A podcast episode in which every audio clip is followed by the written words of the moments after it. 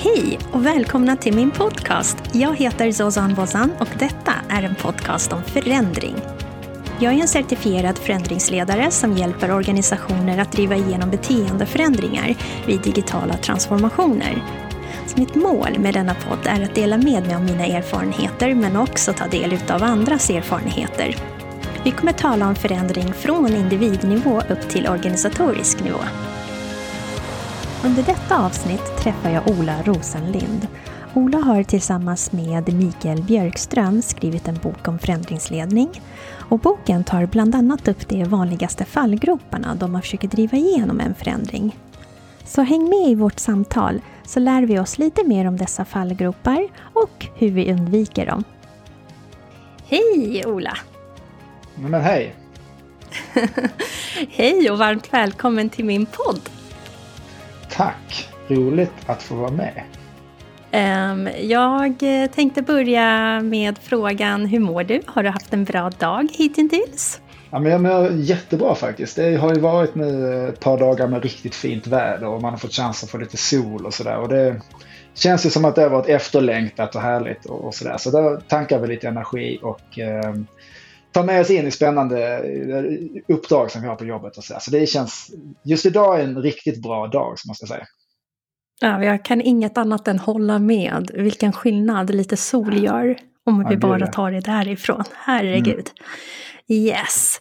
Um, Ola, det jag vet om dig är att du arbetar med förändringsledning. Mm. Jag eh, vet också att du och Mikael Björkström har skrivit boken Förändringens fem fallgropar och hur du undviker dem, som är en handbok för chefer och förändringsledare. Men eh, innan vi pratar lite mer om boken så tänkte jag att du har ju väl en bakgrund inom personal och beteendevetenskap? Ja, det, precis, det stämmer. Jag, har min, jag började jobba inom, inom HR och jobbat inom HR kanske i eh, tiotal år, tio år någonting sånt där, i olika befattningar inom HR och jobbat mycket med verksamhetsutveckling och ledarskap inom, inom ramen för det. Och sen efter det så, så sa jag om att bli konsult eh, och har då eh, jobbat som konsult med de här typen av frågor i sen 2010 kanske, någonting sånt där. Mm. Tillsammans med Mikael så driver du nu Making Change och grundades det 2019 eller?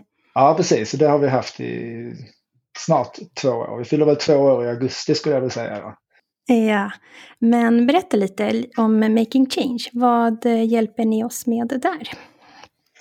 Vi har ju, vår utgångspunkt är ju att, som vi säger, att vi, vi vill göra det lättare och roligare för den som ska driva förändring. Vi ser ju att det finns ett behov och vi har ju mer och mer i båda våra yrkesliv mer och mer smalnat av och nischat in oss på att jobba just med förändring och stötta i att ta oss från en punkt till en annan på ett, på ett bra sätt. Och hur, hur man mobiliserar den mänskliga faktorn i de här typen av förändringsprojekt som, som vi jobbar med. Så det, det, är väl det som vi har riktat in oss på. Eh, att stötta våra kunder eh, och cheferna där i att eh, lyckas med de förändringsinitiativ som man drar igång. Vilket tycks vara ganska många. Men hur lärde du och Mikael lära känna varandra? Var ni tidigare kollegor som bestämde er för att ja, vi, vi slår våra kloka huvuden ihop och startar något tillsammans? Eller hur kom det sig att just ni två det råkade, ja, precis. Eh, nej, men vi jobbade från olika håll i, i, från varsitt bolag så att säga, eh, med samma kund eh, och vid, vid ett tillfälle. Och den kunden sa att de skulle, de skulle sätta igång ett stort stor, stor utvecklingsinsats eh, och där de trodde att de skulle ha stort behov av stöd och eh, där den här kunden då hade erfarenhet av att jobba med oss båda eh, bolag och, och ett tredje bolag också som var inblandat då och sa att ja, men det här tror jag skulle vara spännande om ni tre satte er ner och hittade på någonting tillsammans. Så det var, då, då var det jag och Mikael och så var det en, en kille som heter Peter från ett annat bolag. Eh, som aldrig hade träffats förut men som hade fått uppdraget från den här kunden att hitta på någonting bra till oss här. Eh, mm. Och, och, då gjorde vi det som egentligen var en spännande utmaning i det att vi var på sätt och vis konkurrerande verksamheter när vi satte oss ner. Eh, och eh, första frågan blev ju, kan vi tänka oss att göra det här ihop?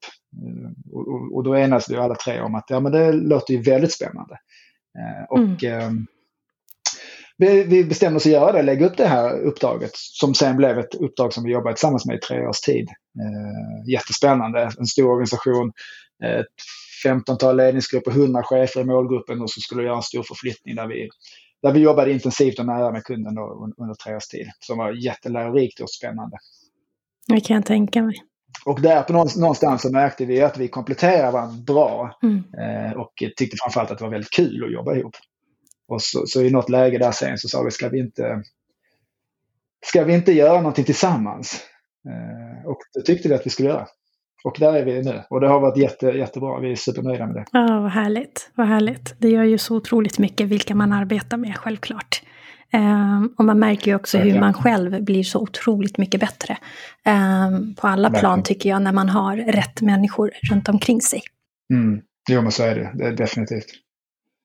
Men eh, sen så utmynnades eh, en bok eh, utav ert eh, samarbete. Så eh, jag tänkte, hur kommer det sig att ni valde att skriva den tillsammans och inte för sig? Och så kan inte du berätta lite hur tankarna gick där?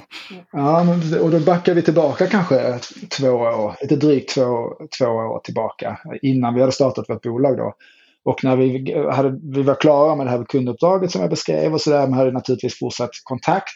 Eh, och eh, baserat delvis på erfarenheter som vi hade av att jobba ihop där, där, i ett stort uppdrag där vi verkligen liksom eh, det fanns verkligen stödresurser i form av oss och andra i det här uppdraget och eh, jobbade väldigt systematiskt med de här cheferna och utbildade, tränade i vardagen på olika sätt. Men där någonstans så hamnade vi ändå i läget, precis som man gjort, och, och, och delade den erfarenheten från andra uppdrag som vi också hade haft, att vi känner att ja, men, vi pratar om de här sakerna och vi utbildar och tränar, det finns massa kunskap eh, kopplat till det här. Och ändå så möter vi chefer som fortfarande säger att det där var intressant och jag förstår att det är viktigt att jag ska tänka på de här sakerna. Jag förstår att det är viktigt att jag ska involvera mina medarbetare exempelvis. Men hur ska jag göra det? Jag förstår att det är viktigt att jag måste vara väldigt tydlig med det vi ska uppnå. Men hur gör jag det i praktiken? Och så mm. så då börjar vi rannsaka oss själva lite grann och, och, och börja titta, men vad är det som gör att det fortfarande finns ett sånt gap då? Från det vi vet i, i teorin och forskning och allting och det vi lär ut till att det faktiskt händer i, i verksamheten. Mm. Och när vi tittade så tyckte vi så att ja, men det saknas ju faktiskt den lilla bryggan och utifrån om man, om man tar chefens perspektiv så saknas det, tyckte vi, eh, den där riktigt konkreta sista twisten som sa okej okay, det här är viktigt att tänka på så här mm. och, och, gör på det här sättet och här har du verkligen en guide, en, en, en gör så här hjälp, liksom ett konkret, konkret stöd. Så du vet imorgon klockan tre när du ska träffa ditt team eh, och du, och du vet att här kan jag förvänta mig olika reaktioner på, på olika sätt. Hur ska jag göra, hur ska jag ha det mötet och sådär. Eh, det tyckte vi saknades och, och, och, vi tittade runt. Det finns en massa bra modeller. Jag hade mina modeller mm. som, som jag kom från mitt perspektiv. Mikael hade sina modeller och det finns ju massa bra skrivet. Och företagen utbildar och tränar sig själva också mer och mer. Men de, väldigt, väldigt många av de här modellerna tyckte vi lämnar chefen med ett vad och kanske inte riktigt erbjuder ett hur fullt ut. Så där någonstans började, tänkte vi, vi, vi började luska i det där lite grann. Mm. Uh, och, och, började prata med, uh, intervjua massa chefer. Vi, vi, liksom, vi, vi, ville veta hur är det på riktigt? Det här var vår uppfattning, men hur uppfattas det av cheferna då som är, som är tydligt vår, vår målgrupp? Så pratar vi runt och lyssnar, men vad är det som gör att det blir svårt och vad är det man går snett? Och sen uh, stämde vi av det också med forskare inom, inom förändringsledning, forskare, implementeringsforskare och ledarskapsforskare. Så här, men, vad, är det, vad är det där som, som som är de vanliga misstagen och sådär. Så landade vi i att ja, men, ett bra sätt kan vara att åtminstone undvika att göra om andras misstag. Så det var där på något sätt vi hittade ingången i vår bok. Att, ja, men okej, låt oss i alla fall börja med att, att hjälpa folk, folk att inte trampa snett. Eh, så är vi i alla fall en god bit på väg. Eh, så det var då vi började med det här med att vi såg mönster i, i, i vilket landade ner de här fem fallgroparna då som vi har sorterat upp i, i boken. Så, så att det, där. För jag var ju med på den här releasefesten som ni hade för boken. Eh, det var ju digitalt självklart, men mm. Eh, där fick man ju träffa er förläggare. Och hon berättade om eh, exakt det du säger. Hon hade antingen fått höra eller jobbat med er, jag kommer inte riktigt ihåg. Men hon tycker det var så matnyttigt, det, det hon fick veta. vilket betyder att hon Eh, det var väl hon som kontaktade er eller hur gick det till? Precis, alltså det, var lite, det var lite kul för att vi hade börjat tanken på att vi skulle skriva någonting och sammanställa oss själva i det här på något, på något sätt. Eh, och hade börjat jobba med de här frågorna för oss att sammanställa och då hade, i det här fallet var det Mikael som hade ett föredrag på ett ställe. Så var det, just det. Mm. Och pratade om de här sakerna och där råkade då Susanne, vår som sen blev vår förläggare från studentlitteratur, hon var med i publiken där. Och äh, gick fram till Mikael efter och sa, ni har inte tänkt på att skriva en bok. Och då var vi där, jo men vi har, vi har precis börjat. Så det, det, det matchades ju väldigt bra. Och så etablerade vi samarbete. Men vi fortsätter prata lite grann om boken tänkte jag. Eh, mm, För gärna. det vi, får, eh, det vi vet är ju, eller du, du har säkert också läst det här, att 90 procent av alla förändringsarbeten misslyckas.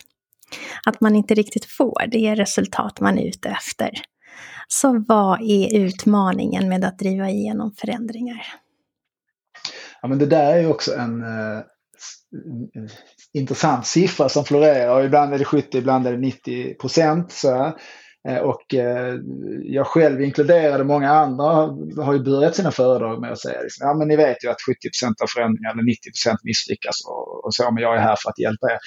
Men, och, och det var också en sån sak som vi tyckte var lite intressant att säga, men den här siffran, hur är det med den egentligen? Är det, är, det verkligen så? För då kan, ju, kan man ju bli lite deppig att höra en sån siffra. Ja, verkligen. Så, det, det, är liksom inte, det är inte där man kickar igång kanske om man hör att jag tänkte göra det här, lycka till, du kommer förmodligen att misslyckas. Så där, där började vi också titta och, och, fråga runt med sådana som kan också det här. Liksom att stämmer den där? Och då kan man ju säga i, i, i litteraturen då att den där är ju inte riktigt sann, utan det där är en myt som på något sätt har eh, fått ett eget liv och sen så har den upprepats så många gånger så att det har blivit en etablerad sanning. Mm. Eh, och, och, och, svårigheten med den där är ju så, här, så att för det första när vi pratar om förändring, vad, vi, vad menar vi då? Alltså vad är förändring? Ett, eh, det kan ju vara alltifrån att ett, ett företag, en organisation ska göra någon jättelik eh, stor förflyttning till att vi inom en avdelning ska göra mindre, mindre förändring i vårt arbetssätt. Eller sådär. så det kan ju vara väldigt, väldigt, väldigt många olika saker. Så redan där stöter vi på problem om vi ska säga att förändringar lyckas eller inte lyckas. Liksom. Att vi, vi, de är så olika så det går inte ens att jämföra dem. Ja. Sen, den andra som man säger är ju att just när man pratar utfall, alltså om det har lyckats, vad, vad, vad är det vi tittar på då? Alltså vad är utfallet och när i tiden mäter vi det där? Det blir ju också intressant. Är det liksom direkt när vi avslutar eller när vi, när vi säger att nu går det nya IT-systemet, nu kör vi Go Live. Är det då vi mäter? Eller är det ett år senare säger, har vi etablerat de nya arbetssätten? Och, och, och, liksom, och vilka, vilka mätpunkter har vi? Allt det där försvårar ju också. Mm, mm, verkligen. Så att vi, vi har väl landat i det att vi skulle nog vilja vända på den här siffran och säga att ah, nej, det är nog inte sant att det är så. Utan att tvärtom så har du nog ganska goda chanser att lyckas med din förändring. Eh, men, men det kan man bara tänka på några saker på vägen. Mm. Men, men, men, då är det nog snarare så att ja, det är ganska sannolikt att lyckas med sina förändringar. Och eh, vilket betyder att ni landade i fem fallgropar som du nämnde tidigare då. Eh, Precis. Kan inte du, eh, eh, eller förresten innan vi går vidare med fem fallgroparna som du får jättegärna berätta om. Eh, eh, vilka är era, vem vänder sig boken till? absolut chefer och förändringsledare, men finns det någon grupp till eller andra som kan ha nytta av boken?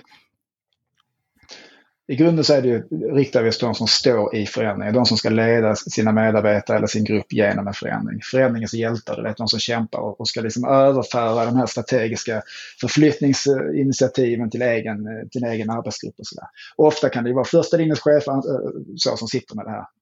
Ganska tuffa utmaningen. Så. Eh, så det har ju varit vår bild. Vi har ju haft en specifik chef som sen på något sätt har blivit en symbol för alla chefer. Men vi, vi, vi, vi kallar den här chefen för Acke. Och eh, i hela arbetet med boken så har vi ställt oss frågan, ja, men det här som vi precis har skrivit nu, på vilket sätt kommer det att hjälpa Acke imorgon? Så vi har hela tiden, så chefen är en väldigt, väldigt tydlig målgrupp. Och från början så var ju vår bild att vi skulle göra en fälthandbok som man kunde ha i höger benficka med sig ut i fält. Liksom. Att den skulle vara nära till hands och skulle vara väldigt handsome. Sen blev den ju lite tjockare, det blev lite fler sidor och lite så, så den blev lite tung att ha i fickan. Men tanken har ju varit samma i alla fall. I och för sig, man kan så. kanske ha den i telefonen. Det blir lite nästan att ha den som i fickan. Ja men precis, precis. Eller en liten, eh, en liten ryggsäck kanske. Ja.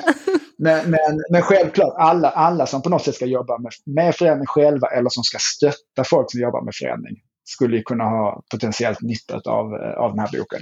Mm. Ja. Men, men, men vår, vår målgrupp när vi har tänkt och när vi har skrivit har hela tiden varit en specifik chef som ska göra någonting. Någon som leder andra människor mm. genom en förändring. Och om du tar oss igenom um, dessa fem fallgropar. Precis, för, för det var ju det vi gjorde. Det var ju det att vi, vi försökte undersöka vad, vad är det som man vanligtvis går snett. Den första fallgruppen som, som vi har kallat den, den, den, den handlar ju om att vi, att vi jobbar med alldeles för vaga beskrivningar av vad det egentligen är vi ska åstadkomma. Vi kallar den för att färdas i dimma. Eh, det kan ju vara liksom att vi, vi jobbar med en, en, en eh, beskrivning av förändringen som är, som är på en alldeles för hög nivå. Att den är, bara, den är på organisatorisk nivå. Vi ska digitalisera myndigheten exempelvis. Yeah. Och sen så använder, så använder man det hela tiden som ett begrepp att vi ska digitalisera. Men det säger ju ganska lite ofta för den enskilde personen och individen. Vad, är det, vad betyder det för mig och vad ska jag göra, göra imorgon annorlunda som jag inte gör idag? Mm. Eh, och, och, och, det gör att det blir en otydlighet eh, och, och, ofta så lägger man också för lite tid på att analysera ett startläge. Vad, vad är nuläget? Eh, så att man startar också utifrån en bild att man idag arbetar på det sättet man har sagt att man gör idag. Ja? Mm. Det vill säga att vi, om vi utgår ifrån det, men så visar det sig att vi gör inte idag i alla fall som vi har sagt att vi ska göra idag. Så redan där kan vi ofta ha ett fel. Vi har fel startläge och vi har en alldeles för tydlig beskrivning av målbilden. Mm. Vilket gör att det skapar en massa förvirring och sådär. Eh, och ibland så sätter vi också namn som vi döper förändringsinitiativ till eh, projekt Saccess. Ja. Eller, eller projekt eh, Flammande bägaren. Jag har ingen mm. aning. Men vi har olika så här, eh, catchy namn som vi tror ska sälja in det här projektet eller den här förändringen. Och sen använder vi det och det blir det vi pratar om. Och till slut så är det ingen som vågar fråga vad är det vi egentligen menar. För alla andra verkar ha fattat vad vi menar när vi säger projekt access. Mm. Om jag då ska sitta på ett möte och säga att jag har inte riktigt förstått. Nej, det vill jag inte göra. Så då fortsätter vi kalla det för projekt access och ingen vet vad det menar. Så det kallar vi, kallar vi då att, att färdas i dimma. Mm. Eh, och den är, den, är, den är väldigt vanlig. Det kan jag verkligen känna igen. Och det kan ju vara alltifrån att man säger att vi ska jobba agilt eller vi använder sådana begrepp som vi tror att vi har samma, samma bild av. Vi ska, vi ska bli lean hos oss. Mm. Och där kan vi lika, ha lika många tolkningar av det som, som vi har med anställda. Mm. Och då får vi, följden blir att vi får en dålig start naturligtvis. Och det blir också svårt att förstärka rätt beteende på vägen. Så det är den första. Den andra som vi har sagt är ju att eh, man eh, helt enkelt kör över eller i alla fall ifrån de människorna som man har i, i förändringen. Eh, man, man tror kanske att den idén man har är så bra eller så viktig att det räcker för att den ska sälja in sig själv. Eh, så att man springer på alldeles för fort och så glömmer man att eh, det här behöver förklaras eller det här behöver överföras till de som ska ska vara med på det eller som ska göra annorlunda, mm. de måste få en chans att känna in det här. Är det här vettigt eller inte? Så. Mm. så underskattar man folks behov av delaktighet. Och så kommer man på det för sent. Och då blir, det är då man möter det man kallar för motstånd eller sådär. Yeah. Och man ställer sig inte frågan innan kanske så här, vad är det i den här förändringen som kommer utgöra bränsle för medarbetarna? Vad är det som kommer ha en bromsande effekt? Yeah. Så att man, man, kör, man kör för fort. Liksom. Man tror att man, man vill involvera men man, samtidigt så känner man att vi måste vara försiktiga. Vi kan inte lämna eh, fältet för diskussion fritt. För tänk då om folk tycker att det är dåligt och då slutar man involvera istället. Man tror att man måste ha färdiga kommunikationskoncept innan man börjar kommunicera. Och, mm. och då får man det här att, att de som har bestämt och de som uh, cheferna ofta springer väldigt långt fram och väldigt engagerade i det här. Och sen så när man börjar introducera det här för organisationen så glömmer man bort kanske att de som hör det, hör det för första gången. För själv har man levt med det så länge. Ja, och det är då det uppstår motstånd exempelvis. Och det är många som känner igen sig i det och många som, som vi pratar med som säger att ja, det där är nog kanske den vanligaste som vi stöter på. Eller så. Man har eh, I projektgruppen har man kanske, eller på organisatorisk nivå, har, man, har idén fått sitta och marinera ett bra tag. Eh, och, så. och sedan så kommer det ut som en helt färdig rätt till alla andra. Precis. Och de som äntligen då får, som har jobbat med det här och äntligen får sätta igång är ju väldigt ivriga på att ta nästa steg. Och så. så då går det kanske lite för fort. Mm. Mm. Och det är ofta här som vi som konsult också kommer in eh, när man märker att eh, shit, det här gick inte så lätt som vi trodde. Nu har vi stött på problem. Eh, nu har det blivit reaktioner på olika sätt. Kan ni komma och hjälpa till? Så man blir överraskad att man inte blir mottagen som en hjälte när man presenterar en så fin Exakt. lösning på den situation man befinner sig i. Ser ni inte det jag ser? ja, men precis. Det här Exakt. är superbra. Mm, mm. Ja, men så rätt. Ja, då går vi vidare till den tredje, va? Ja, men den tredje då. Det är att man som eh, enskild ledare tänker att eh, jag måste klara det här själv. Eh, man tror att ja, men det är ju, jag har ju ändå det här jobbet för att jag ska driva den här förändringen eller att jag ska lyckas med det här. Eh, så om, man tror då att man tror att ensam är stark eh, i det här. Och säkrar inte upp att man får stöd från nyckelpersoner som finns runt omkring. Utan man tänker att nej, men det här är mitt ansvar, det här ska jag klara. Eh, och om jag skulle söka, söka stöd så kan det tyda på att jag inte lyckas eller sådär. Och då jobbar man på och sen om man väl stöter på problem med det där, då står man ju väldigt svag eh, i, i, eh, i sin förändring. Då. Mm. Eh, och, och, och, man tänker att det här, men vi sa ju på ledningsmötet att alla står bakom det.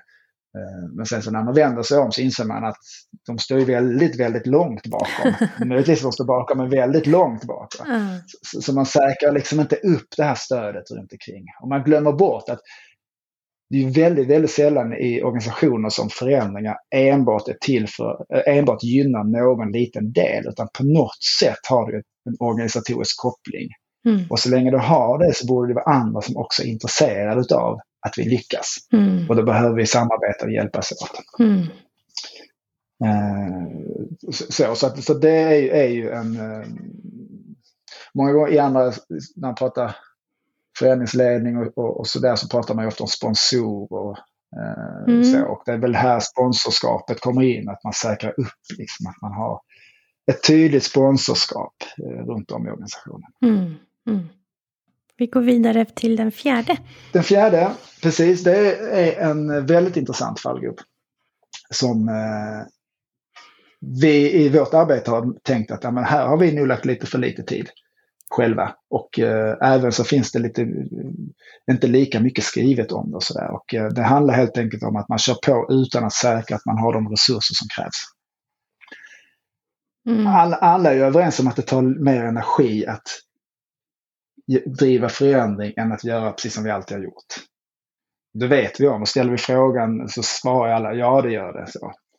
Eh, men ändå så är det alldeles för sällan som man tillför tillfälliga resurser att stötta upp under förändringsinitiativ. Man tror att man ska kunna klara det på sam med samma, samma resurser som man haft tidigare. Eh, så. Och, och, och, det gör ju på något sätt att man redan från början skaffar sig ett väldigt dåligt utgångsläge. Eh, och, och det luriga med det här, så, som vi tycker att vi märker, det är att eh, om man frågar personer i organisationen så, så frågar man, men berätta om det som ni ska göra just nu. Berätta om era pågående projekt. Och så målar de upp en bild av ett antal, oftast ganska många, parallella initiativ som pågår. Eh, och alla har ju sina egna målbilder och sina egna förutsättningar på något sätt. Och så frågar man, kommer ni klara allt det här? Så säger de så, nej det är för mycket som pågår parallellt, det är omöjligt att hinna med allt. Okej, okay. det kan man förstå när man, ser, när man ser bilden att det är tufft. Och så på nästa fråga, då, men innebär det att ni justerar ner målbilden på något av de här? Då? Nej, det kan vi inte göra, för vi har ju krav på oss att leverera på det här. Okej, okay. så ni kommer att klara det då? Nej, det kommer vi inte göra, det finns inte en chans. Så man, så man, och det här låter som att jag raljerar, men det här är ganska vanligt, att man jobbar då på mm. mot målbilder som man på förhand redan vet att man inte kommer att nå. Och, och, det där är ju lurigt för att det får flera konsekvenser. En konsekvens är ju naturligtvis att man inte når målet med det specifika initiativet. Såklart. Eftersom ja. det är för mycket som konkurrerar. Och det andra, som kanske är ännu allvarligare, är ju att det sker ju ett lärande i organisationen. Att hos oss är vi duktiga på att sätta mål, vi är duktiga på att lägga upp planer mot våra mål. Men vi ser inte till att, att nå i mål. Vilket naturligtvis får mig att, att fundera då hur mycket engagemang jag ska tycka att det är värt att gå in med i det här projektet. Så vi, vi yeah, spelar en yeah. form av, vi kallar det för förändringens teater. Vi spelar en teater där vi alla vet att vi jobbar mot mål som vi inte kommer att nå. Och det vi lär oss är att ja, det är okej okay att sitta på möten och nicka och säga ja, medan, samtidigt som jag känner att nej, det kommer inte att gå. Och det här är en jätteallvarlig mm. sak såklart. Eh, och eh, en vanlig, så det här behöver man på något sätt se att man har en balans mellan, mellan det man ska uppnå och de resurser man har tillgå.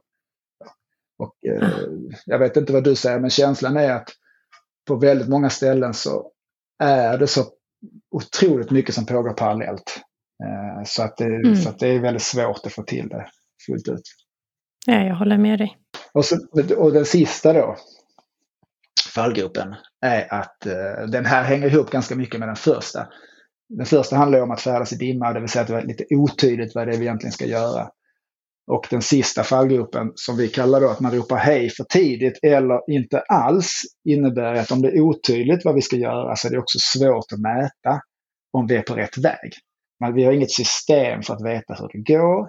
Eh, vi gör inte tillräcklig analys kring vad är som, vad är som funkar bra eller vad är som, som, som stoppar oss i det här. Och, och vi har inte heller kanske någon plan för att säkra eh, alltså långsiktig hållbarhet i förändringen. Vi kanske säger att, att apropå det här med IT-systemet, då, att vi, vi tänker att ja, men när vi har Go Live, då släpper vi det. Och sen så tänker vi att ja, men nu rullar det på sig själv och så backar vi och lägger fokus på ett annat projekt eller initiativ. Vilket gör att man kanske återfaller i gammalt beteende och sådär. Liksom. Så att vi, vi ligger inte tillräckligt nära tillräckligt länge i, i förändringen, är ju den här mm. tydliga fallgropen då. Och att vi inte tillräckligt ställer oss mm. frågan, hur ligger vi till? Vad är det som går bra just nu? Alltså, vilka kvitton ser vi i vardagen på att vi är på rätt väg? Alltså. Och det är, så att lite mätbarhet. Mätbarhet, mm. precis. Och ofta behöver man ta det ner på beteenden. Alltså vilka beteenden är det vi mm. ser? Mm. Beter vi oss på det sättet som vi har sagt att vi ska göra? Och inte bara mäta på, på resultat. Eh, utan att faktiskt, det är, det är ju beteenden som skapar förändring. Eh, så då behöver vi kanske mäta hur många gånger gör vi det här som vi har sagt att vi ska göra. Gör vi det tillräckligt många gånger per vecka? Ja. Exakt. Så det är ju de fem då, fallgroparna. Mm. Eh, vill du säga några ord om eh, eh er förklaringsmodell eller eh, kanske om beslutsstödet? Ja, precis. Alltså vi, vår grundtanke är ju så här att om du undviker fallgroparna då har du kommit en bra bit på väg. Då, då ligger det hyggligt till. Liksom. Det är det viktigaste. Se till så att du inte hamnar i en fallgrop. Så. Eh, och, och, och, att vara i fallgrop, det är det liksom, då är du i rött läge. eh, men, men det som vi har funderat på är, är så att vad är det då man behöver för att knyta an till det här? Att hur, hur kan vi hjälpa då en chef att få hur kan vi gå från vad till att bli tydliga hur så inte vi gör samma misstag som alla andra? Som vi upplever att andra har gjort. Och då har vi först eh, sagt, eh, summerat ihop i en som vi kallar för femfaktormodell som möter upp mot de här fallgroparna. Vad är det man då behöver tänka på? Ja, för det första är ju att du behöver ha en tydlig definition av din förändring. Och den andra saken är ju att för att lyckas så behöver du hitta någon form av systematik för att utveckla medskapande i förändringen. Det vill säga du behöver involvera, skapa delaktighet och, och engagemang hos de som är målgruppen för förändringen. Utveckla medskapare kallar det. Mm.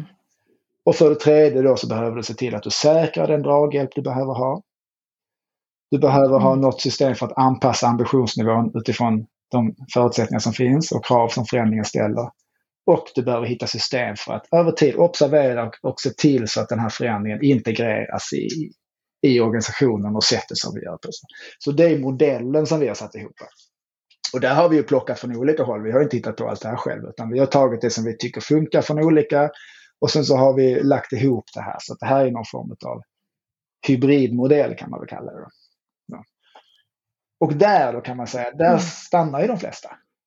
Och då har vi sagt, vi får inte stanna. Så mm. vad är det man behöver då? Jo, då behöver man förmodligen ett sätt. Att om vi köper in på att ja, men det är de här fem faktorerna som vi behöver kunna checka av på något sätt. Då behöver vi ha ett sätt att mäta det eller, eller kolla liksom, hur ligger vi till utifrån de här faktorerna. Eh, och då har vi då i boken presenterat ett beslutsstöd eh, där vi har det är sju frågor för varje faktor. Mellan, mellan rött läge, det vill säga fallgrop, till gult läge där vi säger att ja, men här har du styrfart, det, det rör sig i rätt riktning och grönt läget så är det, yeah. då är det liksom kanon. Uh, och, och, så länge du håller styrfart så rör du i alla fall i rätt riktning. Så det kan ju vara, kan vara bra. Så då hjälper vi till med, med skattningsfrågor så att man kan säga, men här känner jag igen mig. Ja, men just i den här faktorn som handlar om utveckla medskapare, där, där tror jag att jag är, ligger i gult läge. Och då pratar vi om vad kännetecknar ett gult läge? Eh, vad är viktigt att tänka på om man befinner sig i gult läge? Och så ger vi exempel på, ja, men, givet att du befinner dig, gör något av de här sakerna. Det här är några verktyg här sånt som du kan göra. Kalla till ett sånt här möte som du ska ha för att, för att fånga upp eller använd, använd, eh, måla upp det här förändringskorset för att skatta in vad du har din målgrupp i förhållande till om man har köpt in på läget eller inte. Och så. Så på det sättet försöker vi gå hela vägen ut då, till ett görande. För det är då på något sätt som, som det händer något. Helt rätt. Jag tycker det är underbart att ni har med det. Um, jag tror att vi fick med det mesta, Ola. Mm. Vad bra. Ett par så praktiska frågor tänkte mm. jag. Eh, och det är, eh, vart kan man köpa boken? Och finns den som ljudbok? Eh, man kan köpa den där man köper böcker, på Adlibris, Bokus eller, eller sådär, beställa. Eh, det finns även på vår hemsida. Eh, men, mm. men eh, ja, där, där det säljs böcker finns den. Och eh, än så länge så finns den inte som ljudbok. Eh, så att, eh, får vi väl se då om, om förlaget tycker att det är en intressant, eh, intressant idé att, att uh, ha det som ljudbok. Och då blir det en diskussion mellan mig och Mikael. Då. Ska det vara på skånska eller ska det vara, han kommer från Umeå, eller ska det vara mer så? Så där, där får vi väl se vart vi landar. Vi får se, det kanske blir en kombination. Ja, det kanske blir en kombination. Eh, men blir det fler böcker är jag lite nyfiken på också. Nu när ni har fått blodad tand. det är en rätt häftig process att skriva, tycker jag, skriva en bok. Supernyttigt. Alla borde göra det någon gång. Eh, av den anledningen just att du tvingas ta ställning till saker som du annars kan lite grann eh, gena förbi eller, eller slarva lite grann med. Mm. Just att vad, vad skulle vara min rekommendation i det här läget? Eller vad ska jag välja att ta med? Så, så man får ju verkligen jobba med, med vad, vad, vad, står jag i de här sakerna? Vad tror jag på? Vad tror jag funkar? Så, så det har ju varit oerhört lärorik process. Eh, och speciellt då att det var två där man tvingas på något sätt alltså göra varandra bättre. Alltså det, prestigelösheten i att, ja men okej, hur, hur, tänker du kring det här? Och sen så, ja, försöka hitta det som mm. tillsammans då kan bli så bra som möjligt. Så det har ju varit jättelärorikt, också jobbigt. Alltså det är ju mycket, det är många timmar bakom en bok, mer än vad man tror. Eller mer än vad jag trodde i alla fall. Så. Ja, det kan jag tänka mig. Hur lång tid tog det för er att skriva det? kanske du sa? Alltså jag tror själv akt, alltså, processen var väl igång rent under ett års tid ungefär. Men sen så var det vid olika intensitet naturligtvis. Ja, det ser. Mm, eh, mm. Vissa perioder så satt vi mycket mer intensivt och andra perioder så hade vi annat att göra. Så att säga.